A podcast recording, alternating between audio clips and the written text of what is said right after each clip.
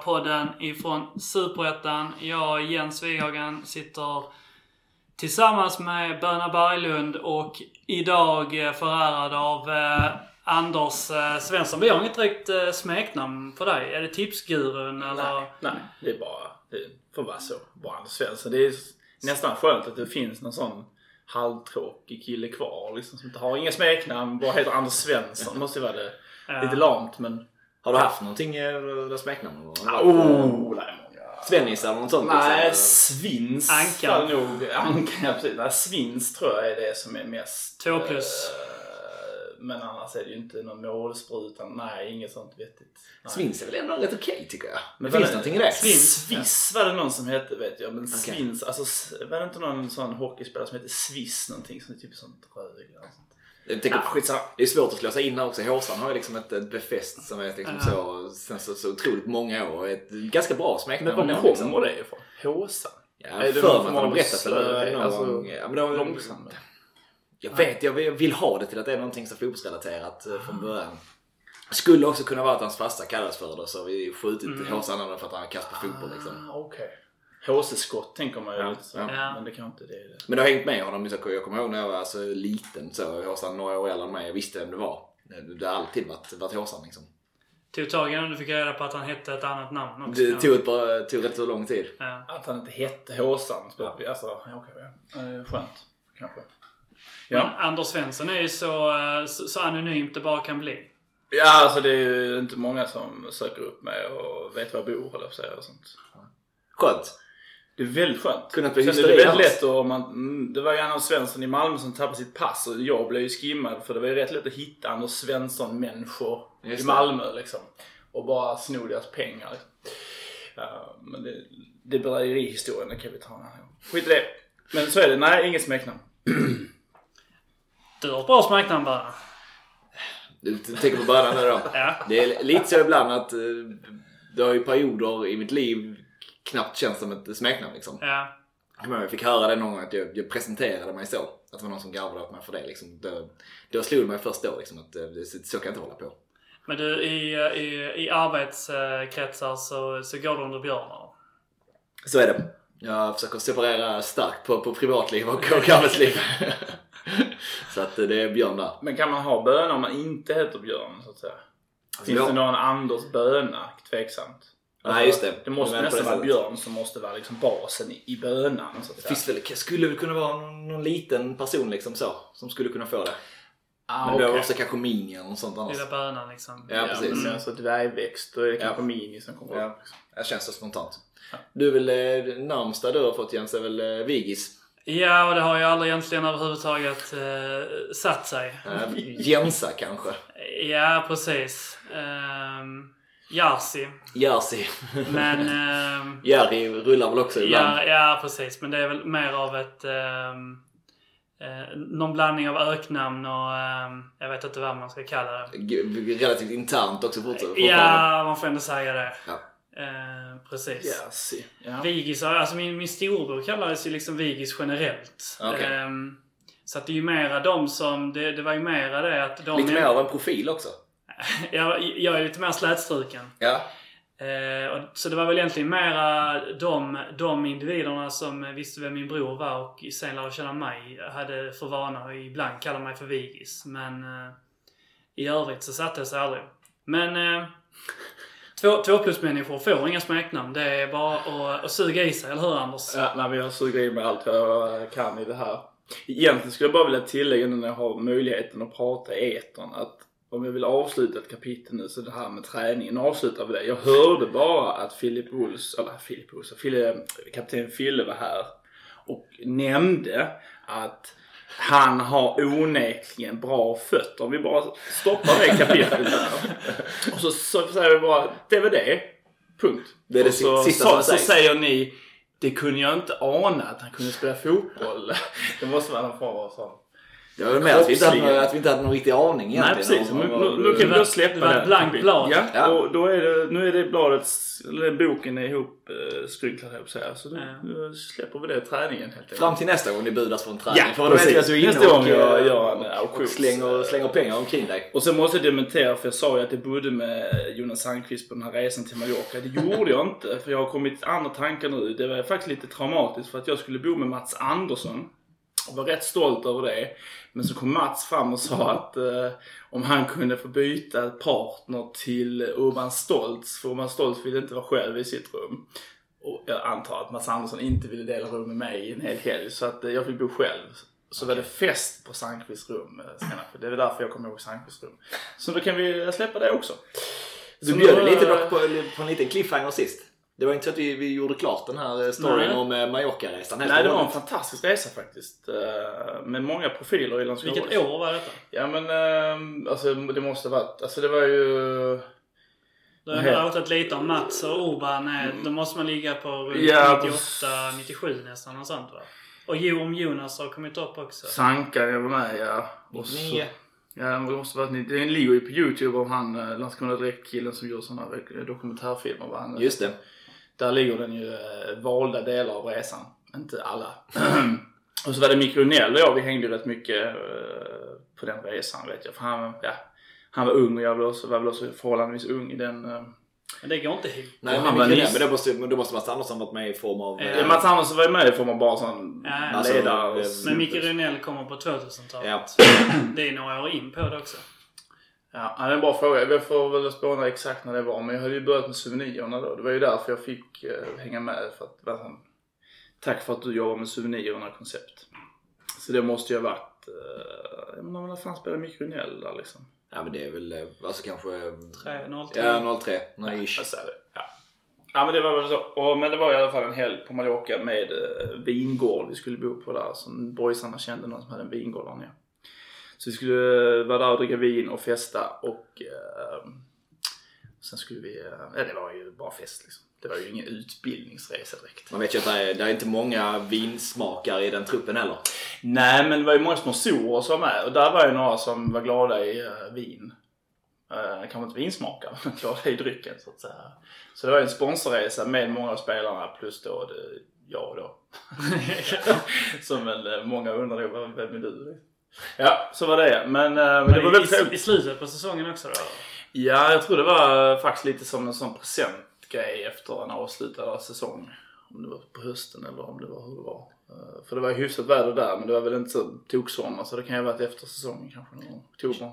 Känns det som att det finns mer, mer att berätta och dela Ja, egentligen. sen är det ju så eh, kanske Du, du, du drar vi, lite. vi får, eh, jag, jag får smaka på det lite. Eh, Men det var trevligt. Jättetrevligt. Johan Nilsson som var mycket så organisatör och sådär. eh, Klassiska Lång-Johan liksom. Och ehm, ja men eh, bra karaktär i, i truppen och bland sponsorerna. Ja, vi släpper det. Men ehm, Lång-Johan satt för övrigt några bänkrader framför mig nu senast på, på matchen mot, eh, mot Brage. trevligt. Jag hamnade ju lite så här. Det stod, jag stod liksom någon form av ovanför klackverksamheten eller i anslutning, till den. Um, och det var många som typ tog liksom plats där man, där man såg att det fanns. Det var många som inte följde sina sådana här helt och hållet precis som om man hade blivit placerad. Utan ville man stå där så, så, så ställde sig folk där. Um, Utöver då några liksom äldre personer och några, några herrar var Johan Nilsson en av dem som typ satt mitt i klacken. Såg mindre road ut av detta. Han, det var inte vad han väntade sig när han gick på match. Han hade väl laglydigt liksom tagit sin plats och satt sig där han blev placerad.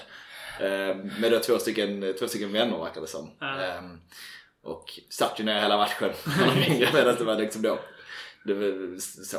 Sång och eh, halvstökigt ibland liksom runt omkring honom. Passade inte riktigt in. Okej, det gick inte att liksom göra en turnaround där, att få med han upp och sjunga lite så. Nej, det var ju vissa som, som vissa som ändå tog den rollen och eh, folk som man tänker i vanliga fall inte skulle varit med och, och sjungit eller delat med det. Men eh, han var inte en av dem. Det får man väl respektera Lång-Johan för. Han såg väl bra ändå trots att folk stod upp framför honom. Liksom. Är det det första Långe-skämtet som har dragits om eh, Johan? Han älskar nog att höra från Ja. honom. Bra, nu, nu, har vi, nu har vi fem minuter ljud om hur lång Johan är. Klipp. Ja. Ja. Eh, precis, Bönne, du var på eh, så att säga klack, klackverksamhetssida och Anders du... Eh, Ja, men jag var på de som hade fått första gubbasidan. dosen av vaccin eh, för länge sedan sidan. Så att Mm. Ehm, Det var lite lugnare och stillsammare. Det fanns de som försökte fly därifrån, bland annat Håsan. Över till, eh, vad ska jag säga, liv, liv, liv och rörelsesidan. Men eh, det fick man inte. Så, ah. till den sidan man inte går för att dö. Eh, kanske lite, ja det ska vara hårt sagt. Men eh, det fanns en viss mättnad på vår sida kan man säga. Av eh, folk som hade sett fotboll förr helt enkelt. Hur var känslan för dig eh, Anders att eh, vara tillbaka på, på IP? Hur såg, hur såg själva matchdagen ut för dig då? Hade du några matchdagen- ritualer så att Ja, säga? ritualen är att det är ju att köpslå att jag ska ha egen tid en hel eftermiddag. Det innebär att jag måste ha eh, familj, eh, en, ensam familjetid eh, hela förmiddagen så att säga. Så det var väl uppladdning på lekplats med lite spadar och hinkar och gungor. Som sig bör. Eh, och sen då eh, började det krypa närmare att man faktiskt skulle gå på fotboll igen. Det var fan eh, mycket häftig känsla att köra till Landskrona och träffa Björn Lundgren innan matchen och gå och sätta sig på sin, sin, eh, vad ska man säga, på sin pin. Eh, men framförallt att, eh, jag vet inte, det var svårt att beskriva riktigt. Jag har saknat det väldigt mycket. Men ehm, när man sen var där, som vi snackade lite innan också, jag, jag höll på att säga, jag kommer inte jag kommer ihåg matchen givetvis, men jag kanske inte är lika detaljorienterad som man brukar vara när man sitter framför TVn. Med situationer hit och dit, var folk som frågar, men skulle inte han haft gult kort där med Phil, med Olsen och sånt? Det var någon som stämplade jag kommer inte ens ihåg eh, när det hände liksom. Men, och det var inte för den ölen jag drack i paus, utan eh, generellt så var det lite annat koncept, att se live igen. Mer, mer känsla. säger ju någonting ändå också, tänker jag, när man har varit borta så länge att det, ändå eh, att det gör någonting med en på det sättet. Att man eh, Vanligtvis skulle man kanske kunna hantera med att känna igen mer och komma ihåg mer från matchen. Men när man har varit borta så pass länge också att man eh, ja, bara liksom upplevelsen i sig. Eh, jag tänker att plocka bort en hel del sådana hel del sådana element. Jag kan känna igen mig själv i det också. Att jag, eh, utan att liksom se, inte ha sett på matchen. Att, det är också svårt att ge någon, någon så här övergripande större bild av att var Boys bättre eller sämre än vanligt? Var det liksom någonting som stack ut? Någonting man gjorde annorlunda? Um, det kändes liksom som en match som flöt på och gick åt, åt båda håll på något sätt. Um, och det är väl någonstans det jag tar med mig också. Att det är fan jävligt fint att gå på fotboll och, och liksom uppleva det. Att det inte bara vara i eh, precis situationer och eh, speluppbyggnad och tänka om Borg ska flytta ner mittfältare ner till eh, neråt för att kunna hämta boll med. Utan man får också leva lite när man är där. Precis. Och det är det som är mycket annat så att ehm, eh, fotbollen, fotbollen är ju delvis eh, sekundär. Det är ju, eh, det är ju att eh, få göra själva aktiviteten som, ehm, som nästan är det mest meningsfulla. Att eh, få traska ut till IP och eh, få, få mala om de saker man nu vill mala om och eh, sen, eh, sen samtidigt då att fotbollen är. Men det blir lite grann, fotbollen bara sker. Alltså man är ju där med dem man är. Mm. Man, alltså, jag, jag kan gå på fotboll själv också. Det, det, det är också liksom en ljuvlig aktivitet. Men gen- generellt så är det ju att man sitter ju och babblar och pratar om ditt och datten. Man tar upp saker som, som sker och så. Det, det, det är ju ett socialt element som, eh, som eh, är näst, nästintill oslagbart. Mm. Och det kan ju även härröras till det som händer innan en, en match påbörjas också. Mm. Eh, Så att det, det är ju den biten som är ljuvlig att den är tillbaka. Och att få, få skratta och le lite igen så att säga. Men du satt ju på den analytiska läktaren, alltså pressläktaren. Så du har ju förmodligen en täckning var alla sprang och vilka var heta zonerna på planen och så, eller? Ja, både och så. Jag, jag satt ju med, med, med Gurra där då så att eh, ehm, det, det var inte tyst så mycket så. Jag hade ju sår i öronen när jag gick därifrån. Um, Gurra, Gurra pratade ju med allt och alla som var runt omkring oss också ju. Han, ehm, han bytte ju ord med Brage-delegaterna. Han eh, pratade med Jörgen Lennartsson om eh, när eh, Hurk skulle vara tillbaka. Han eh, pratade med Jonas Olsson och ville bjuda in honom till podden och eh, det, var, det var allt efter det andra. Han sa till en Brage-delegat och knackade en kille på axeln som satt där med oss och sa han så ser ut att bli nedflyttning för er faktiskt. Poppis. Ja. Träffade Gurra efter, efter matchen också. Eh, En kort sväng. Han, han, dök upp och eh, där såg jag ju Lennartsson eh, längs fotknölarna. Att det var en otroligt otrevlig människa och Ja. eh, som inte alls ville snacka med honom eller lyssna på honom. Um, Ja, typiskt. Ja. Jag tycker, då upplevde jag att han, att de, han faktiskt... Eh, de stod och pratade i så kanske fyra minuter om eh, ditten och datten.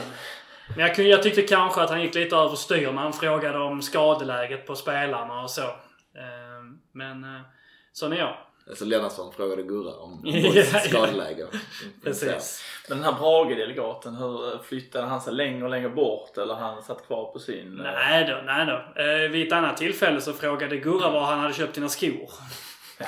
Oh. Ja, han hade ett, eh, han hade ett, eh, ett Brage-märke liksom broderat på ett par Nike-skor så att han, eh, han, han, han blev fascinerad över dessa och undrade hur, hur detta hade gått till. Han ville ha sådana med boys. Låter klassen då faktiskt. Ja, det, det, var, det var fett, det var fett men eh, det var en fetare fråga. Så är det. Ja, han är väl med på det nästa gång den här Brage-killen kanske. Man vet ju aldrig om man blir Ja. utbytt. Det var ju någon Brage-supporter som stod utanför också. Ja, jag läste någonting om det, att det var någon som eh, ha- hade kört hela vägen. Ja, det verkar som det. Och det var ju props till honom alltså.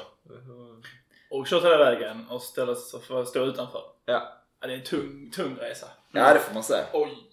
Ehm, Imponerande. Honom borde Gurra snackat med lite. Verkligen. ja, ja det, hade han vetat att han var där så hade han säkert gjort det. Ja, det tror jag. Utan tvekan så att säga. Ja, det är ja, hatten av alltså. Men eh, själva matchen. Eh, Anders, du som ändå satt på gubbasidan då. Eh, vad...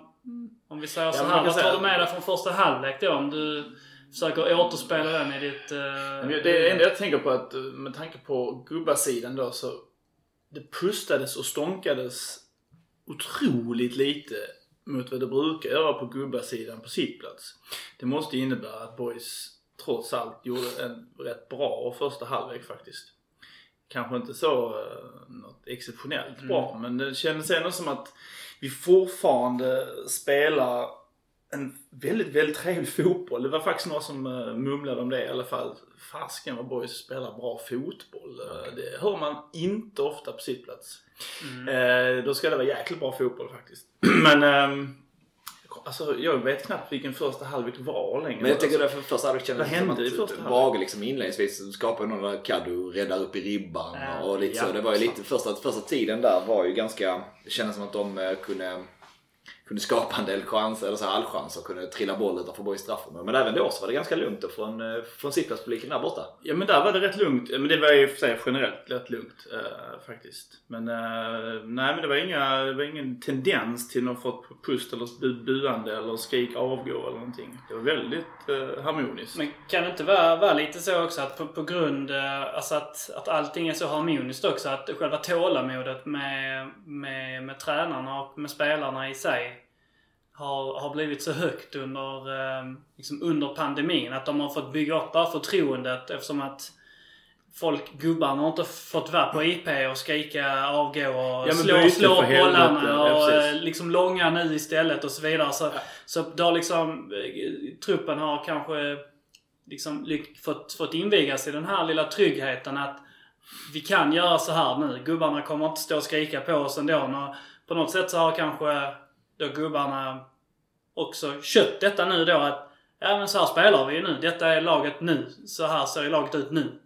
Eh, och på något sätt också eh, blivit mer fine med det. Jämfört med, trots allt ändå, det, det kan ju bli vad som du säger, det kan ju vara lite gnälligt och så när Ja man men det spelar. är ofta så det här med vi, fan vi spelar alltid bakåt. Ja. Inte bakåt! Det är en klassisk kommentar det här possession-spelet att man vill ändå hålla i bollen och hålla den inom laget och kanske locka upp motståndaren. Det är ingen som brukar gilla det konceptet. Ja, när det börjar bli för, eh, för, för smått också. Ja, eh, inte då för är det ju... Skicka den. Ja. Att Kaddu ska ha bollen på fötterna, det är ingen som... Slå fan upp med bollen nu. Mm. Ja.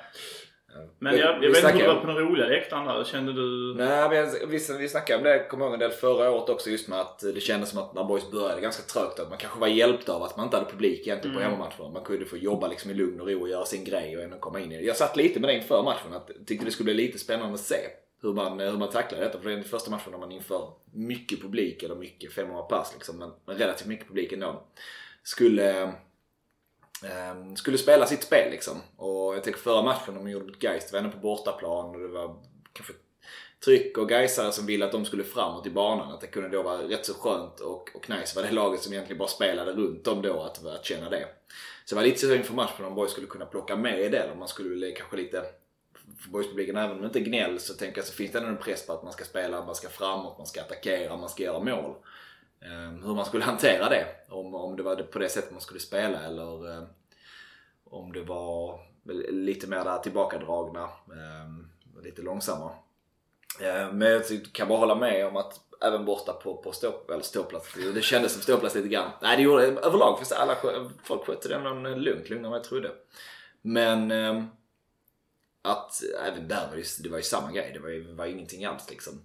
Var mer, eh, det hettade väl till i andra halvlek liksom när, när det blev lite gruff mellan båda lagen och så. Mm. Men utöver det så var det, det ingenting nästan heller mot, liksom, eh, mot Boys egna spelare. Vilket, är, vilket man ändå brukar höra en hel del av. Mm. Jag brottas fortfarande lite med det. Jag vet inte, jag vet inte vilket IP jag uppskattar. Vill ändå ha det här gamla, lite gnälliga liksom. Men eh, det är väl skönt för, för det laget som finns nu i alla fall om det kan, kan fortsätta ett tag. Men vi kan ju inte ta ifrån dem. Alltså de spelar ju. Alltså, det är svårt, svårare att hitta något att klaga på eh, rent, eh, förutom inläggen från högerkanten. Det var jag pustade lite över. Eh, den högsta pusten kanske fortfarande ett, det var ett Dennis-inlägg trots att jag har Dennis eh, matchtröja hemma. En av de rariteterna jag har auktionerat till mig. Som i och för sig inte passar. Fan vad du älskar auktionerna. Alltså. Ja men jag älskar dem. Och, och eh, den passar inte mig alls. Det är ju typ medium liksom. Men eh, skitsamma, jag har en Dennis. Jag tror mycket på Dennis. Men alltså inläggsspelet, jag, jag, jag fattar inte. Hur är det så jävla svårt? Får man inte svära? Kanske det får vi. Jo, vi får svära att få in bollen in över den första ytterbacken. Jag, jag fattar inte. Mm. Det, det, det, det suckades över. Det kan jag säga. Mm. Det, det suckades över. Ja, det är inte bara Dennis. Det är precis som det är någon sån mm. korridorsförbannelse i den eh, högerkorridoren. Mm. Det känns också som att det lite grann är att det har, det har gått lite troll i den högerkanten också. Att, de, att det, det är som att både eh, Eh, främst Oskar och, eh, och Dennis men såklart även att andra spelare har blivit påverkade. Att de, de nästan inte försöker gå där lika mycket. Att de liksom, man kan ta sig framåt på högerkanten där men de försöker ibland, kändes ibland som att det fanns här möjligheten att så här, slå en sorts avgörande passning så att man kan slå ett inlägg. Att det var många gånger man nästan försökte att vi gör kanske inte det på denna kanten nu utan vi kan jobba oss fram här där. Det är de jätteduktiga på men ska vi, ska vi komma till ett bra läge så kanske vi får jobba oss lite grann till någon annan spelare. Det, det, det är ju någonting negativt där. För att det är som, som du sa att de gångerna man väl kommer fram, man, man ställer sig frågan till varför men om man bara blundar och försöker träffa bollen, någon gång borde ju bollen åtminstone bara komma in i straffområdet. Ja, sannolikheten borde ju vara ja. på den sidan. Så att säga. Men det... Tyckte ändå att man i första halvlek försökte, att man anföll rätt mycket via högerkanten. Men det var typ så som att... Eh, men jag tyckte att det stannade upp där. Ja. Så att man sen, sen ja okej okay, hit men inte längre. Så... Men det var, jag tyckte nästan så, det var Oskar Pettersson, det var nästan någon gång han, han bara kände, okej okay, jag tar bollen här mm. Alltså när, de, när man kommer en bit framåt. Det var inte, han frågade liksom inte om man skulle passa ut utan okej okay, då gör jag det, försöker jag göra det själv nästan. Mm. Um, Ja, jag tyckte, men eh, andra halvlek var det väl mer så. Det var väl mer det utpräglade inläggsspelet från högerbacken och det, ja, det gick som det gick. Ja, men i övrigt så eh, första halvlek, det var några instick till Niklas Nielsen där. Jag tror till och med det var Pettersson som försökte komma med en eh, rak genomskär i mitten. Men ja, första touchen där på Niklas är kanske inte riktigt där just nu. Det fanns något läge i alla fall att kunna bryta in liksom, men eller så kanske snabbheten som fattas just nu men eh, tycker ändå äh, faktiskt att äh, Pettersson var rätt bra faktiskt i den här matchen även om äh, du har sagt Sirap lite ibland. Jag tycker ändå att han... Mm. Eller vad säger du om denna performance? Han, ja... Förutom målet då. Det, det är alltid ja. lätt att säga att man gör mål så är man bra men det var väl en matchbild som passade honom lite grann då. De låg ganska djupt så. Han är ju, han är ju bättre när... Eh, eftersom han är, han är ju spelskicklig. Eh, trots allt. Men... Eh, ja. Han fastnade väl också lite grann i min eh, så här eh, tankevurpa kring högerkanten att eh, det, det, är lite grann hit men inte längre där.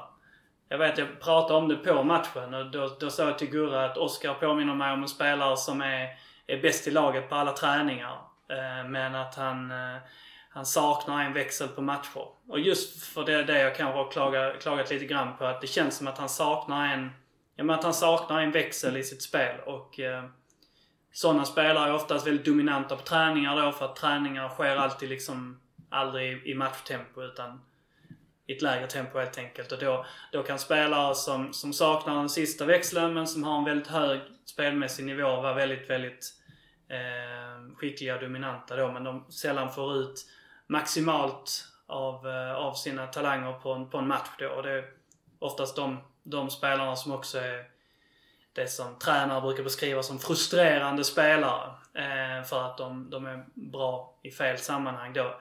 Oskar är väl på gränsen till en sån spelare i mina ögon. Eh, och kan väl fortfarande ta, ta kliv. Han är ju bra. Det, är egentligen inte det jag säger. Bara det att han ser ut som att han borde vara mycket bättre. Men jag tycker inte att han, han är det helt enkelt. Eh, så, men det, det, är ju det är också att gripa efter halmstrå. Eh, alltså så. Jag, jag klagar samtidigt som jag inte klagar. Han, eh, han är ju en fullgod spelare eh, i, i Landskrona Boys utan tvekan. Men det är bara någonting med det som, som jag, jag känner kan, eh, kan bli bättre eller som kanske inte kommer bli bättre. Men som man kanske inte kommer komma över heller. Känns som att det kommer Lite synd kanske det här uppehållet för honom nu också. Mm. Att, det kommer här efter Vasalund-matchen. Han kände sig förra året som en spelare som lite så här i, i omgång. Han kunde producera poängen. Han var inte där jättelänge. Det känns som att de kom liksom så här klumpmässigt på något sätt. Mm. Han har ju dock lite så, äh, han, han verkar uppenbarligen ha lite känsla för mål och så.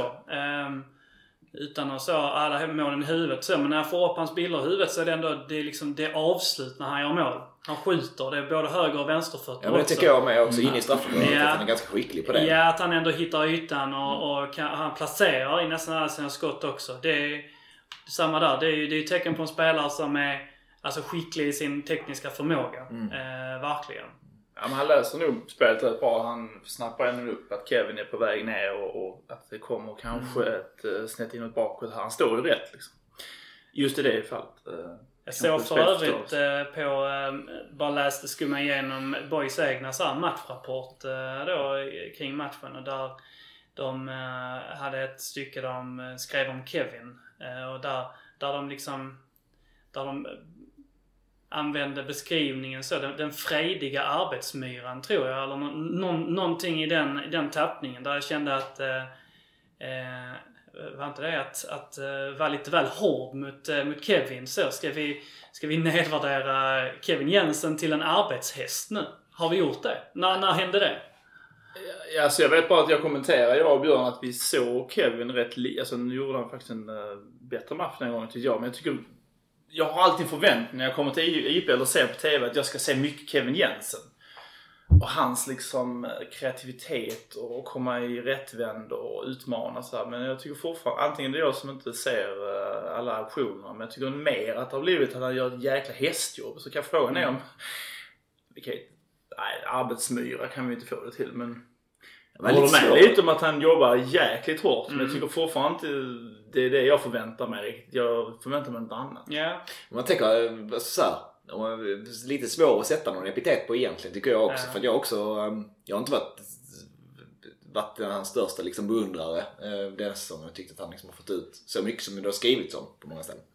Men ehm, det är väl en typ av urväder kanske.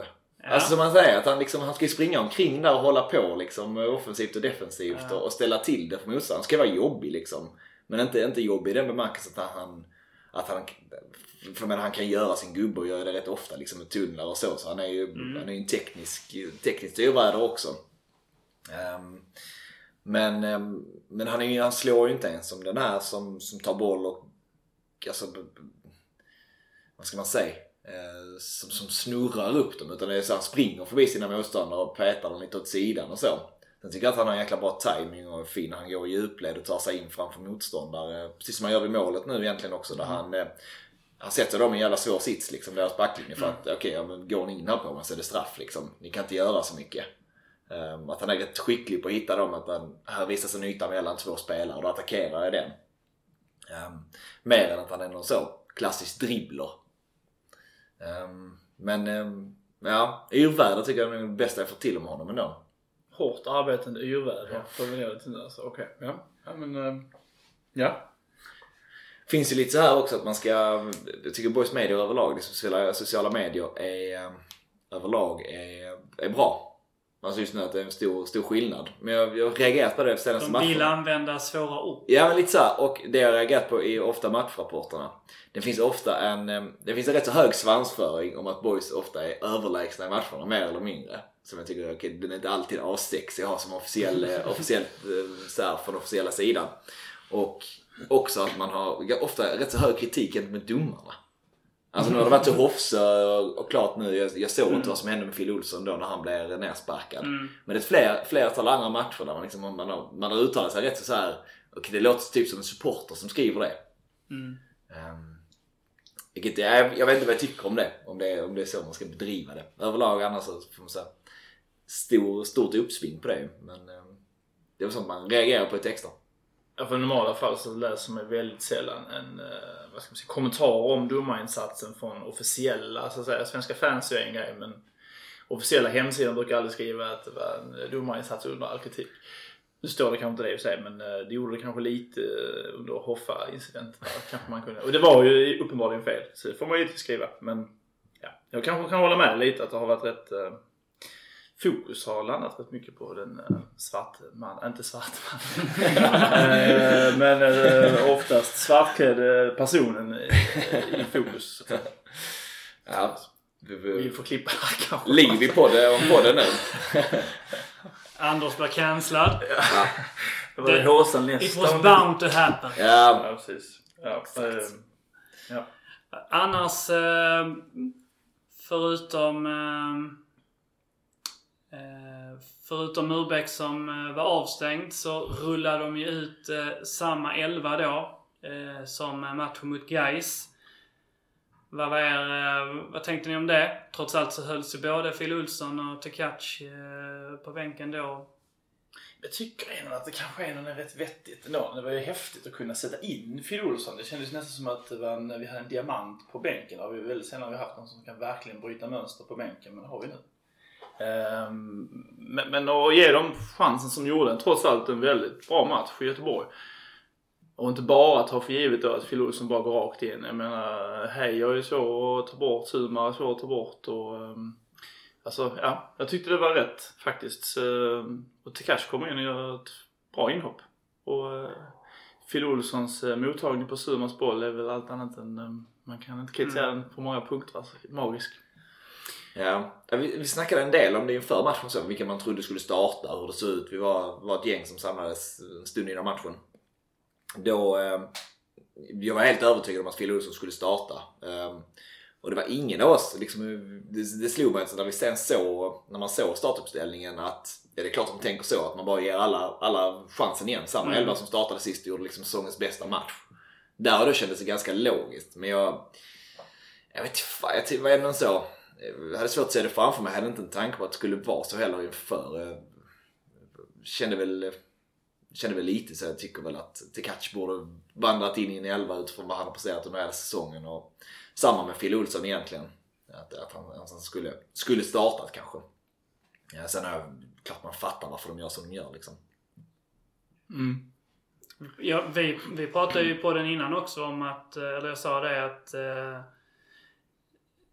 inte en, vi inte hade haft samma startelva i en enda match. Vi hade inte det nu då heller eftersom Urbeck eh, var avstängd. Men förutom det så, ehm, så hade vi ju det till denna matchen då. Efter, i, i omgång 10 då. Ehm, Medan vi i nästan alla andra matcher av olika anledningar har eh, gjort de här förändringarna. Och jag tyckte väl också egentligen det är lite Ja, Tekac har ju varit, var ju säsongens spelare egentligen fram tills dess att han fick vila. Eh, och ehm, Phil Olsson ehm, var ju på gång, eller så att säga, är på gång. Men eh, hade ju en eh, ganska kraftigt ehm, upp, uppåtgående kurva då. Men de har ju något form av eh, eh, alltså konkurrensproblem eller hur man, ska, hur man ska uttrycka det nu. Nu har de ändå, tror jag, för andra matchen i rad dessutom då att så här, det valda bytet är ju att ta ut Oscar och sätta, sätta, sätta Heijer på kanten. Ehm, som också är lite då, det är ju tydligt då att Oskar är ju lägst i, i tottenpålen, eller vad man säger.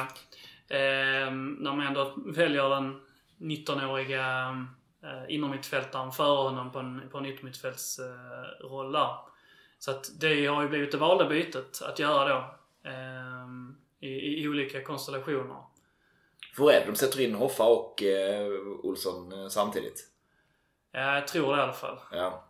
Och så eh, ut med Hajer på kanten och så då eh, det vanliga mittfältet så att säga. Mm, mm. Eh, och sen har det varit någon match också där Joppe har varit petad till förmån för Hajer på kanten också från början om jag minns rätt. Så kan det vara. Så kan det vara. Men jag håller med dig du säger. Det känns verkligen som att det är OP som är den som är, står lägst i rang och som, blir, som får kliva åt sidan om det, om det mm. sker en förändring i offensivt. Utöver då på, på nummer 9 positionen där man går runt där man inte riktigt vet vem är det Nilsen, är det Hofsa innan man har Persson tillbaka och LRO. Så jag tänker att de kommer säkert mm. gå. Om det nu skulle inte varit ett uppehåll hade fortsatt på det sättet. Um, att det hade stått mellan de två.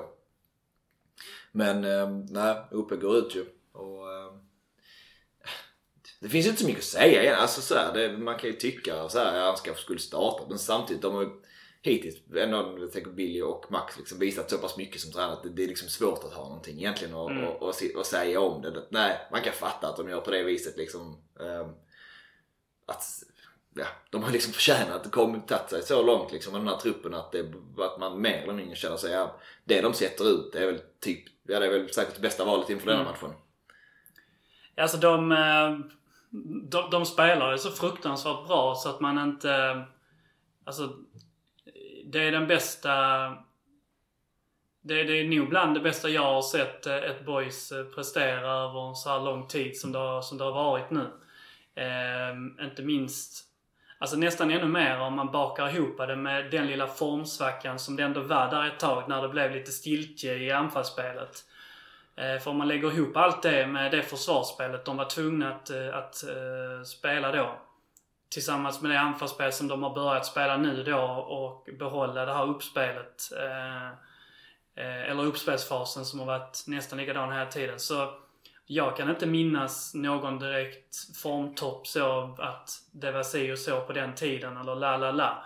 Och de gångerna det känns som man har hamnat i de här formtopparna tidigare så har det ändå varit att ja men det har liksom krigats in några mål där och det har varit en hörna som har studsat in där. Alltså tänker jag kanske tio år tillbaks i tiden, vad fan vet jag. Men att även de formtopparna oftast, om man tänker tillbaka, det är ju oftast väldigt rent chansartat. Alltså man skrapar ihop fyra, fem vinster i rad där. Ja, ja men okej, hur gick vinsterna till? Så ja, men motståndaren missade en straff i den matchen och man satte en hörna direkt i mål i den matchen. Superettan-mässigt har det varit så i alla fall. Ja. Alltså, kollar, man division 1 så tycker jag ja, det har funnits perioder liksom. Agin-perioden även den hösten med Billy och Maxi mm. första, när man når kval. Där man egentligen... Även där tycker, tycker inte jag att eh, den spelmässiga höjden var, var likadan. Jag tyckte inte att det fanns alltså den här djupet och bredden i repertoaren på det sättet. Och inte minst för att man, man blev ju... Du behövde ju bara lägga till en enda fas i det där. Du behövde bara spela anfallsspel för att motståndarna var för dåliga för att skapa mål. Mer eller mindre liksom. Ja precis. Det är det enda jag går på egentligen när man ser på med lite, med lite tid emellan nu. Liksom, att det var typ den perioden jag kan tänka. Ja. Jag var tillbaka bortskap där det kändes som att ja, vi, vi, vi vinner varje match vi ställer upp i mm. mer eller mindre. Men det är också på, på en lägre nivå ja. så att säga och det är bara anfallsspel. Men superettanmässigt och jag tänker det säger också någonting jag tyckte efter matchen. Alltså det, det, känns som att boys lever på många olika sätt just nu. Mm. Um, jag tror aldrig mer eller mindre jag har hört ett, liksom, ett IP som eh, i, i den officiella sången efteråt som alltid spelas efter i alla fall vinster. Det här med det går tryggt över Sverige. Mm. Att mer eller mindre liksom, alla som stod där borta liksom bara klämde i och sjöng. Alltså det, det bubblade verkligen. Det kändes som typ så att man tänker när den här mm. sången gjordes för då 20 år sedan inför att man går upp i, i Allsvenskan den, den perioden. Att det var som, som sången säger också att det tisslas och tasslas lite om, om boys på många olika sätt. Mm. Um, ja, det skrivs i media med, med liksom nästan lite så som underverk till Landskrona från konkurs till någon form av ja. eh, lyckorus och eh, vad har hänt? Ni spelar bara med skåningar, hur är det möjligt? Känslan. Eh, och, eh, Jag snackade med en kompis som drog liknelsen till det här klistermärket. Som ni kommer ihåg det här unga, roliga boys. Mm. Eh, väldigt långt klistermärke som är svårt att få plats på. Eh, lite Johan Andersson, eh, liksom Alexander Farnerud genombrottet i Göteborg. Eh, när vi bara flög fram. Alltså det här är ju... Ja, det, jag, ja, det jag, jag, jag håller med dig fullständigt. Mm. Jag, jag har svårt att se att vi har spelat oss till en högre placering i svensk fotboll sådär på länge i alla fall. Eh, Helt rättvist. Och det är ju... Alltså, om man sätter in en annan kontext. Jag menar... Det kanske det var... Det, för fem år sedan var det kanske så här en Östersund-supporter kände sig när Graham Potter kom in och för, förändrade deras klubb för, för all evighet. Alltså... Eh, nu, höll håller jag på att säga att man ska inte drömma för mycket. Men jo, man ska ju drömma för mycket. Alltså... Det finns ju scenarion där, där klubbar tar vissa kliv för att vissa saker händer. Alltså om det så är... Ja, om, om det så är Östersund och Graham Potter eller om det är eh, Brighton som tar sig upp i Premier League. Eh, liksom Swansea hade en, en vända där de tog sig upp i Premier League med, med Bren- Brennan Rodgers och liknande. Där de förändrade klubben från grunden och satte en filosofi och gjorde klubben från någonting de en gång hade varit till någonting annat mycket bättre. Eh, och jag menar om man drömmer så ja, boys, boys kan vara en sån här. Nu i dessa tider ska man inte vara en Östersund. Men, Nej, men man ska drömma om att vara Östersund delvis. Eh, jag menar, vi vill gärna möta Arsenal på Emirates också. Det hade jag tyckt var kul. Ja, men just det. Det är sant. Ja, jag håller med till Ja, men just att det också- finns ju vissa små, Ja. små att eh, Potter körde ju sin, sin grej med att de, de fick, fixade britterna och de, de hade, de plockade in lite grann av de här talangerna som, eh, som behövde en chans till. Och Billy och Max kör ju någon, någon sorts vända med att eh, de eh, bara letar guldkorn i närheten. Och det är knappt guldkorn så, de bara tar lite grann av det de, de vet finns. Eh, det är inte så att vi liksom letar i en skattkista och att de plockar ut det allra bästa utan det är tagit en spelare där, en Det är spelare där. snickare där, en advokat där, man hittar lite... Ja, kanske precis. någon programmerare dyker upp sen. Jag vet inte. Om du är inne på Någon det har bra fötter. Ja, men jag tänker, för det är väl precis det också med i, i sitt sportskap ibland också, att, att ändå stanna upp och att, liksom, att uppskatta det man faktiskt är med om för tillfället. Att man lever ju lite sina bästa dagar som, som boysupporter på, på otroligt många Mm. år. Ehm, och just, just den, jag var inne på den innan, men just alltså när, när folk stod och sjöng det efter matchen. Alltså mycket folk ändå att det, det var verkligen en sån det blev liksom det, det ögonblicket som, som fick mig att verkligen så, ja det gör vi verkligen just här och nu så Mm. är det det. För att det finns liksom tro på att, var, just där och då fanns det det i alla fall, att vad som helst är möjligt med detta laget. Och den låten har ingen sjungit med i för. Det Nej, är det är det jag absolut menar. första gången jag hör Ja. folk nynna med Ja. i ganska höga Ja, men med- toner. Så att Ja men folk brukar bara gå hem till den låten mer eller mindre. Alltså ja. då är vi klara med detta. Men nu var det verkligen, alltså folk, eh, folk stod upp sina stolar och, eh, och Inte körde på vår sida, men jag såg det på sida. Ja, ja men det var sådana ögonblick som man, man är inte med om dem så jäkla ofta men man kan ändå plocka med sig dem sen efteråt. Mm. Ja, den stunden var liksom helt otrolig. Det är sånt du kan göra en säsong oavsett om det inte blir någon uppflyttning eller vad för något som Mm. helst. Att, att leva i detta, att ändå vara, att känna att man, ja, fan, man drömmer lite och att eh, ja, vad är det man brukar säga om att eh, the world's your oyster liksom. Att det, Mm. vad som helst kan ske. Jag pratade lite med, eller jag, var på, på presskonferensen efter matchen, eh, Humble Brag. Och eh, efter, efter pressen hade varit så, ehm, så, ehm, så var vi bara några, några stycken som bytte några ord med, med Billy. Jag och någon liksom, lokal reporter och så, lite mer som um, supportrar i princip. Ehm, där egentligen eh, samtalet bara mynnade ut i att eh, Billy också bara stod lite grann och skakade på huvudet och inte riktigt eh, förstod hur, hur, hur, hur det kunde vara så otroligt bra. Han liksom bara, alltså killarna spelar, de gör det de gör just nu och jag, jag kan inte säga att man har nära liksom. Utan det, någon, någonting håller på att ske här och jag är inte så jävla ansvarig som, som man kanske kan tro. Utan att det bara, någonting sker och jag vet inte riktigt varför nästan. Utan allting har bara börjat klicka rätt på så otroligt många, många plan. Och som, som du säger Böna, så det Ja, man, man kanske ska åtminstone försöka stanna upp och, och, och tänka efter hur, hur det brukar se ut. Och dessutom att jag tänkte på det när jag såg Jörgen Lennartsson på, på matchen. Att, eh, alltså en, en fråga man velat ställa det är liksom bara så. Eh, var, varför, kan, varför spelar inte ni som boys? Och man vet, jag är intresserad av att ställa den frågan till Brage också. Så. Vad hindrar er från att spela som boys? Ja. Alltså som en seriös fotbollsretorisk fråga. att Varför klarar boys av att göra så här? Att spela den så att säga ändå trots allt. Detta är ju den, den valda modellen. Folk, alltså 9 av 10 tränare vill ju spela med hög press och possession. Eh, alltså de andra är Sean Dyche och andra typer av eh, managers. Mourinho. Eh, alla andra vill ju göra detta. Men det är ju otroligt få klubbar som gör det. Det är ju, ja, Manchester City kan göra det. Jag kan, jag kan köpa det på någon, på någon vänster. Men eh, jag har svårt att köpa att boys kan göra det. För att, alltså, det, matematiken går inte ihop på ett eller annat sätt. jag är inte smart nog för att bedöma varför heller. Jag kan bara säga att det, det borde inte gå. Nej precis och det är väl, det är väl liknande. Du, du gjorde liknelsen till, eh, till Swansea till exempel. De gjorde också, ja. anledningen till att de hamnade där de gjorde var ju för att de spelade den typen av fotboll och, och lyckades ju bara liksom sticka ut från alla andra på något sätt. Um, men man har egentligen inga rättigheter att göra det. Det finns liksom ingenting som säger det. är någon, något hopskrap från där och då som var liksom så Joe Allen och sådana spelare som liksom aldrig hade egentligen... Ja. De hade inte Fan det heter han mittfältaren som, uh, som, som spelar så från League One? Ja, Lee Britton Ja, mm. precis.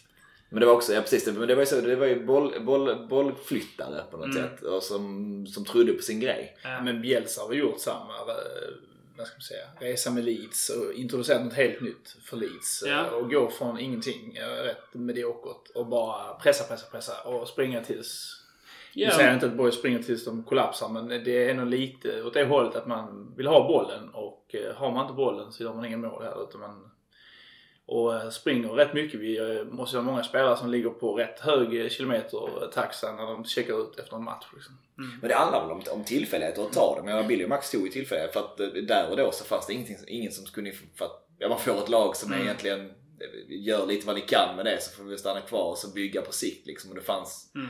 utifrån förutsättningar inga krav på att man skulle göra någonting annat egentligen. Um, och det är väl vad ska man säga, chansen är där men du ska ta den också. Det har de verkligen gjort. Och det är inte alla klubbar, jag antar att det är anledningen kanske. Att, att man, är, man är ganska rädd för vad, vad skulle det kosta. Kan det, det, det, kan ju ta tid att bygga resultat på det sättet. ÖIS sitter i samma sits nu till exempel. Och ja. inte liksom, håller, ligger ju sist i serien. Mm. Uh, vill göra något liknande. Hur länge orkar de stå ut med det liksom? Mm. Ja. Ja, och Göte Göteborg försökte göra det med Poja. Ja. Eh, och höll ut länge men klarade inte göra till slut. Hammarby och Billborn är ju delvis samma, mm. samma tankegångar där också. Men, och det är ju det som blir ännu mer då att om man, om man kollar med vilka resurser Billy och Max har gjort de här förändringarna, både spelmässigt och, och truppmässigt, så, eh, så finns det egentligen ingen anledning, alltså det finns ju inga ursäkter för att andra klubbar inte ska göra det egentligen då heller. Men så, så, uppenbarligen så är det ju så. Kolla till exempel HIF så. För all del i världen egentligen så har de ju resurser för att kunna ta ett mellanår och ändå vinna Superettan. Ja men det har truppen de har sett ja, egentligen. och lägga, den, lägga liksom. så att säga den spelmässiga grunden. Om man nu säger då att själva, det, det är att förenkla historieskrivningen, men om man säger att anledningen till att detta sker nu var för att vi fick det här första året i division 1 med Billy och Max när, när förväntningarna var noll. Att där kunde de lägga en grund som var förutsättningslös. Men det är väl att göra det lite för enkelt för sig så. Det, det finns mer, mer tränare än Billian Max som har fått två år i samma klubb. Men om man då kollar till exempel HIF. Att med, med tanke på resurserna och med tanke på att de då bör kunna prestera på 75% av sin kapacitet och bygga någon form av, eh, av eh, basgrund. Men nu tog de in Jörgen Lennartsson som eh, kanske vill spela den här typen av fotboll men han är liksom en... Han är ju en, en, en Svenska fotbollsförbundet 4-4-2 gubbe. Ja, för det väl om man orkar. Det krävs ja, det det jävligt mycket av en tränare liksom ja. till det. Att det handlar om att ibland jobba mer än andra också på något ja. sätt. Och det, är väl, det verkar ju Billy och Max definitivt mm. göra liksom.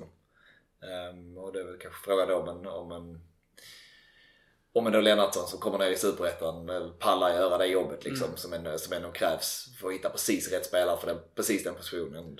Boys har ju lyckats med det nu. Jag tänker som Zuma, alltså det, han är ju dag i detta. Utan honom så hade man inte kunnat spela den typen av fotboll precis så bra. Det, det är inte- det är nästan helt hundra på att man inte hade kunnat göra. Mm. Eh, Men just Suma, för vi hade också en diskussion på den lite tröttare sidan. Det fanns ju ändå folk som pratade där. Att just Suma hade vi lite så känt att är han verkligen en superettan-spelare?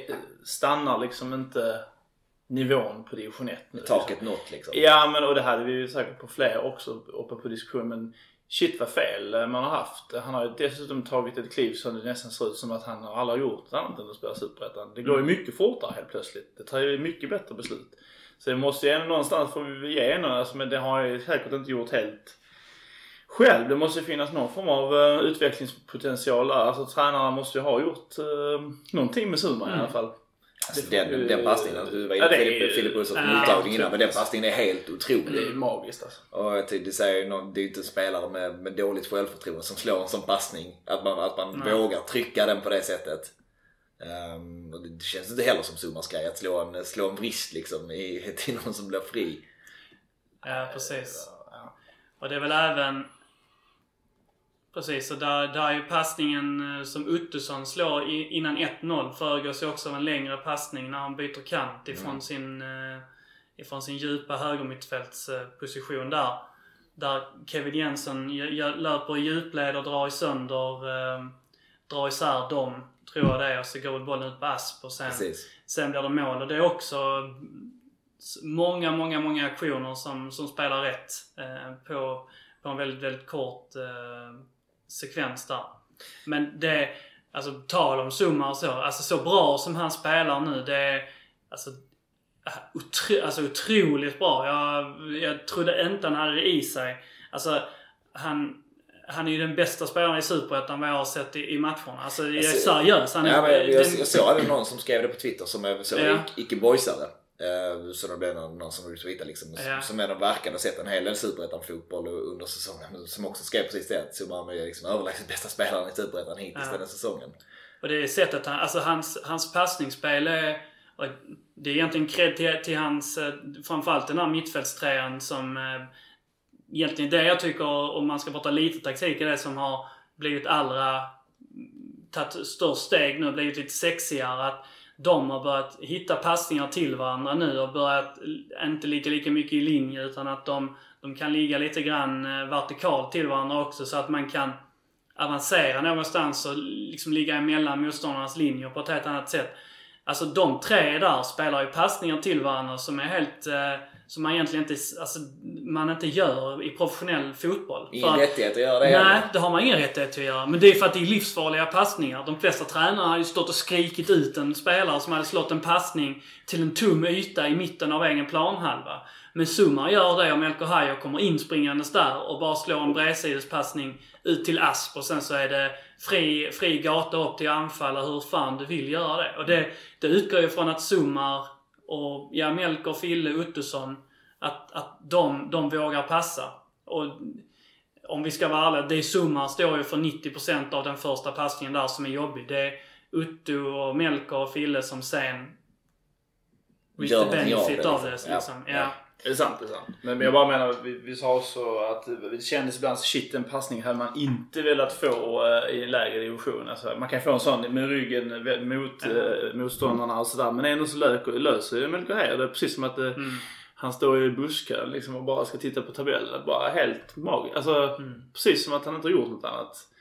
Och eh, de spelar sig igenom ett mittfält. Framförallt mot Gais var det väldigt tydligt att det såg nästan ut som att de klassiska kon-exemplet. Det ser ut som koner liksom. Håller de på med liksom? Nästan förbjudet. Som ni säger, det, så får man fan inte göra. Alltså. Gais-publiken var ju... De måste ju ha blivit helt chockade. Det ser för jävligt ut som Gais eh, spelar mittfält. Men eh, Zuma, det bör väl också bli lite, känns som att det brinner lite knutarna känns som hans eh, kontraktssituation också. Ehm, Mm. Alltså den typen av prestationer under så här lång tid nu ändå. Eh, Det är Ja. svårt att säga att det inte är liksom lag i Allsvenskan som vill ha en sexa som kan spela på det sättet och försvara. Mm. Alltså, Verkligen. Och, eh, ja, och alla, alla konstgräsklubbar i, eh, i, i Allsvenskan eh, borde ju eh, får er- erektion av den, av den tanken och känslan. Så som han spelar just nu i alla fall. Mm. Ehm, Vi kanske borde prata ner honom med tanke på hur många som lyssnar på podden. Exakt. precis. Framförallt för många andra klubbar. Han är helt värdelös. Ja. Tar han, tar han Anders med bra fötter istället. Om ni vill riktigt ha ett Ja, sänke klubb. Om ni vill ha ett ankare. Det är kanske någonting för att slå ut konkurrenterna. Kapten Filip Andersson går i god för honom också. Klassisk Vi kan, Robocop. vi kan klippa ut, eh, vi kan klippa ut Fille här nu så kan vi, kan, kan vi ha någon sorts eh, egen variant av en video Youtube som, eh, exakt. Med lite god, god musik som rullar. Men då måste ni fan hitta ett bättre smeknamn. Liksom. Mycket bättre smeknamn än Anders Svensson. Det blir aldrig videoljugare över det alltså. Vad du heter det? Atlet-Anders. Jo, jo, men det, ja. Det funkar ändå. Det kan det göra. Ja. Det säger någonting. Och så, eller han har lungkapacitet också utöver bra, bra fötter. Liksom. Ja. Och bra fingrar. Ja, just det. Det är viktigt att lägga till. Mycket programmeringsfingrar. Det kan man komma långt med på inomhusfältet. Ja. Du är ändå lite, lite bred av dig. Ja, det är Det är under skjortan eh, liksom döljer sig resurser. Pappakroppen. Ja, ni kanske inte har sålt många agenter på pappakroppen. Men ja, vi släpper det kanske. Vi får se. Ja. Men jag- bara sista här. Känns det som att det är en mina som kom? Alltså nu, nu är jag lite där eh, i samma känsla som när vi slog eh, Malmö i kuppen och visste att vi skulle åka till någon sån obskyr bortamatch mot typ eh, Lindome var det kanske inte, jag kommer inte ihåg. Men vi förlorade i alla fall med typ 3-0, helt utspelade liksom. Mm. Men det är inte samma känsla för jag vet att vårt grundspel nu är alltså, magiskt mycket bättre. Men finns det en risk att vi är någon, eh, kör in på ett grund här mot Vasalund? Alltså, Vasalund känns som en sån lurig klubb. Eller lurigt lag. Alltså, Danny så- Abdic är väl där och Hussein, Ja, inte för att det precis. kanske borgar för kvalitet. Men, Nej, men det är väl ett de, namn de, liksom. de, verkar ju, de verkar ju göra en jävla massa mål men också släppa in hur mycket mål som helst. Liksom. Men det är väl en... Det är klart att det är en, ett lag som det skulle kunna hända grejer kring. Sen känns ändå boys så stabila på något sätt ändå. Det känns svårt att se att man skulle släppa till en så otrolig massa målchanser. Släppa in, Mm. nu gjorde man mot Jönköping i en match. Men det känns som att det har varit one-off liksom. Mer än att det har varit något, varit något mönster så. Ehm, så jag har personligen svårt att se att man skulle bli indragna i det och att, att det liksom skulle bli någon målrik tillställning där man, där man släpper in en massa mål. Jag, jag tror också att eh, alltså, vi, vi kommer att vinna. Eh, det är alltså, så, så säker man kan vara på att man ska vinna en fotbollsmatch på. Eh, utan det var snarare det att det här uppehållet kommer ju eh, som en, eh, en finne i röven. Ja, nej, precis. Uppehållet är ju alltså just eftersom det är alltså, man ser hur bra det ser ut och liksom så det är också svårt att säga att Borg ska förlora mot Vasalund liksom. Men eh, det är fortfarande ett, ett gäng från division 1 som har tagit sig upp och gör det, gör det jäkligt bra liksom. Men, men ett uppehåll är en sån grej som kan dra ner det. Mm. Att, att det inte ser lika bra ut efter uppehållet ändå. Att andra lag har, har tagit kliv då också kanske och hittat in i det. Vi minns ju uppehållet när vi tryckte upp den förra serietabellen på t-shirts. Liksom. Mm. Det var ett uppehåll som kanske också kändes som en finne i, i rumpan, eller vad man säger. 2002 då, Det gick ju inte jättebra efter, eller det gick inte lika bra rättare sagt. Om man, om, man, om man kollar tillbaka på... eh, Alltså om man minns... Om jag minns det som jag minns det så eh, i Superettan Första halvan var ju spelmässigt faktiskt jävligt bra stundtals. Jag kommer ihåg att man var jävligt imponerad över nivån som spelarna spelade på. Vi spelade lite grann med ett annat tempo då också. På, alltså på ett annat vis så att nu är vi mycket mer kontrollerande och metodiska men då hade vi, då spelade vi med liksom en fart och en eh, aktioner på en otroligt hög nivå stundtals. Men vi kom ju aldrig i hamn då. Det blev ju alltid att vi, vi fick inte någon, vi fick aldrig någon poängutdelning av det. Och sakta men säkert så såg man ju bara hur spelarnas självförtroende sjönk och sjönk och sjönk och sjönk. Och i slutet av, eh, av den säsongen, och i slutet liksom när, när, när Agim då väl lämnade så, så, så var ju spelarna bortom räddning. Och där, alltså det var ju samma spelare som gjorde egentligen de här spelmässigt otroliga prestationerna i början av säsongen som avslutade säsongen. Mm. Plus Okino, Joe Cissé Ja, det, var och ett, gäng spelare till. Akram Mansour. Ja, det var ett par stycken. Men eh, att, där jag menar den, den mentala... Den, den mentala biten av, av spelarna är också på, på samma sätt som att den kan bygga upp dem till att få göra de här prestationerna som de har gjort just nu. På samma sätt så kan det tas ifrån dem.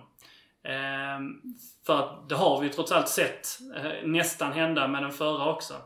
Samtidigt så tänker jag att Boys hade fått med sig så pass mycket poäng hit. Alltså det fick, som du är inne på, man fick inte det då den gången. Ja, det var ju skillnaden. Eller inte, men det var nästan den stora skillnaden att Ja. eh, de tog väldigt lite poäng. Men eh, ja, kollar man så här insatsen så kanske var nästan eh, liksom likvärdigt kanske på, i, i delar av det. Där fanns ju definitivt, kommer man ihåg, vissa, vissa, vissa enskilda matcher i alla fall där, där kanske högsta nivån var ännu högre än vad det, Mm. vad det är vad man har sett från Boys hittills i år. Ehm, Men var det inte den där Egbedi exempelvis? Spelade inte Gais då? Jo. Han, han, brände, han brände, alltså vi spelade ju fullständigt ut dem. Ja. Och han brände väl så 67 målchanser och började gråta typ. Eller, Ja, men alltså det- typ självförtroendet bara Ja. liksom dog. Och sen efter det så blev han ju inte, han blev ju inte samma, han försvann ju bara Ja. som Ja. spelare, som, inte som människa givetvis. Men, nej men han tynade ju bort som spelare i Boys och i sin egen karriär någonstans efter det väl. ja. Men ehm, just eftersom man har tagit så många poäng så känns det ändå som att så att man ska falla så Mm. djupt. Alltså för man har ändå den tryggheten att, att Ja. man vet att man kan fortsätta spela. Det, boys, det året blir liksom ja, alla de värvningarna så det säger ju precis allting också med att man man, man visste inte var man stod egentligen. Alltså, man hade ett gäng bra prestationer men eftersom man inte tog poäng så, så, så litar man ju inte på det, Mm. det spelet heller. Eh, Det, det känns som att Boys har ganska långt kvar även om det kan komma en dipp efter, vilket skulle vara rätt normalt. Eh, men jag tänkte efter Jönköpingsmatchen var det lite så, okej, ja, ja, men nu, ja, nu kommer Mm. Nu kommer det kanske lite slag eh, under bältet för att det, det var lite, ja, det var lite otur kanske då med den här straffen och sådär. Det var väl ett straff och ah, fan nu kanske vi får en formsvacka liksom. Men bara, bara helt, man bara kommer tillbaka. Man vet vad man ska göra. Det är precis som Hoffa säger. Alla vet vad de ska göra. Mm. Inklusive Hoffa. vi bara kör. Bara kör. Bara kör. Fan vad, vad underbart här. Vi får eh, tänka på refrängen. Och eh, den dag imorgon, vi ska leka julgranar och kolla på eh, Sverige ikväll. För att eh, det ska Yes. man göra. Som sig bör. Som sig bör ändå. Men eh, framförallt så ska vi se Vasalund Boys. Och eh, vet fan om vi inte firar eh, serieuppehåll som serieledare. Det hoppas jag verkligen. Om vi ger en snabb eh, tipp på eh, Vasalund Boys. Vad, Alltså, vad har vi då att snabb leta? och snabb. Jag ska bara säga snabb. Jag tror till och med de är med på Stryktipset. Så alla de som är i tipsklubben kommer ju få se en klassisk superspik på Boys eh, på eh, Stryktipset på lördag. Eh, men eh, snabb tippning eh, 0-2. Alltså i tipssammanhang. De är ju på bortaplan. Um, tänker ganska gångbart. Uh, 3-1 boys. Då säger jag 4-1. Lite proppen nu ändå. De har inte haft det någon känns- megaurladdning. Ja. Det luktar ju bombspik det här. Känns lite grann som att det kan vara det också från, från båda håll. Att Vasalund kan ta och skita lite extra i det och Boys kan eh, eh, rulla in i sommaren så att säga. Och vi rullar ut och eh, säger tack för att eh, ni, eh, ni lyssnade och vi, eh, vi hörs igen efter eh, Vasalund-kampen. Heja boys! Hey boys. Du kan lita dig tillbaka. Du kan drömma lite grann. Som om Gud var lika randig Han som sinne din sida. Dröm om röken från Olympia. Om hela skiten brann. Drömrubrikerna när boys har vunnit allsvenskan sambalek Varm och het. Jag ser grym överlägsenhet. Ja, du ser väl det själv. Vilket underbart lag.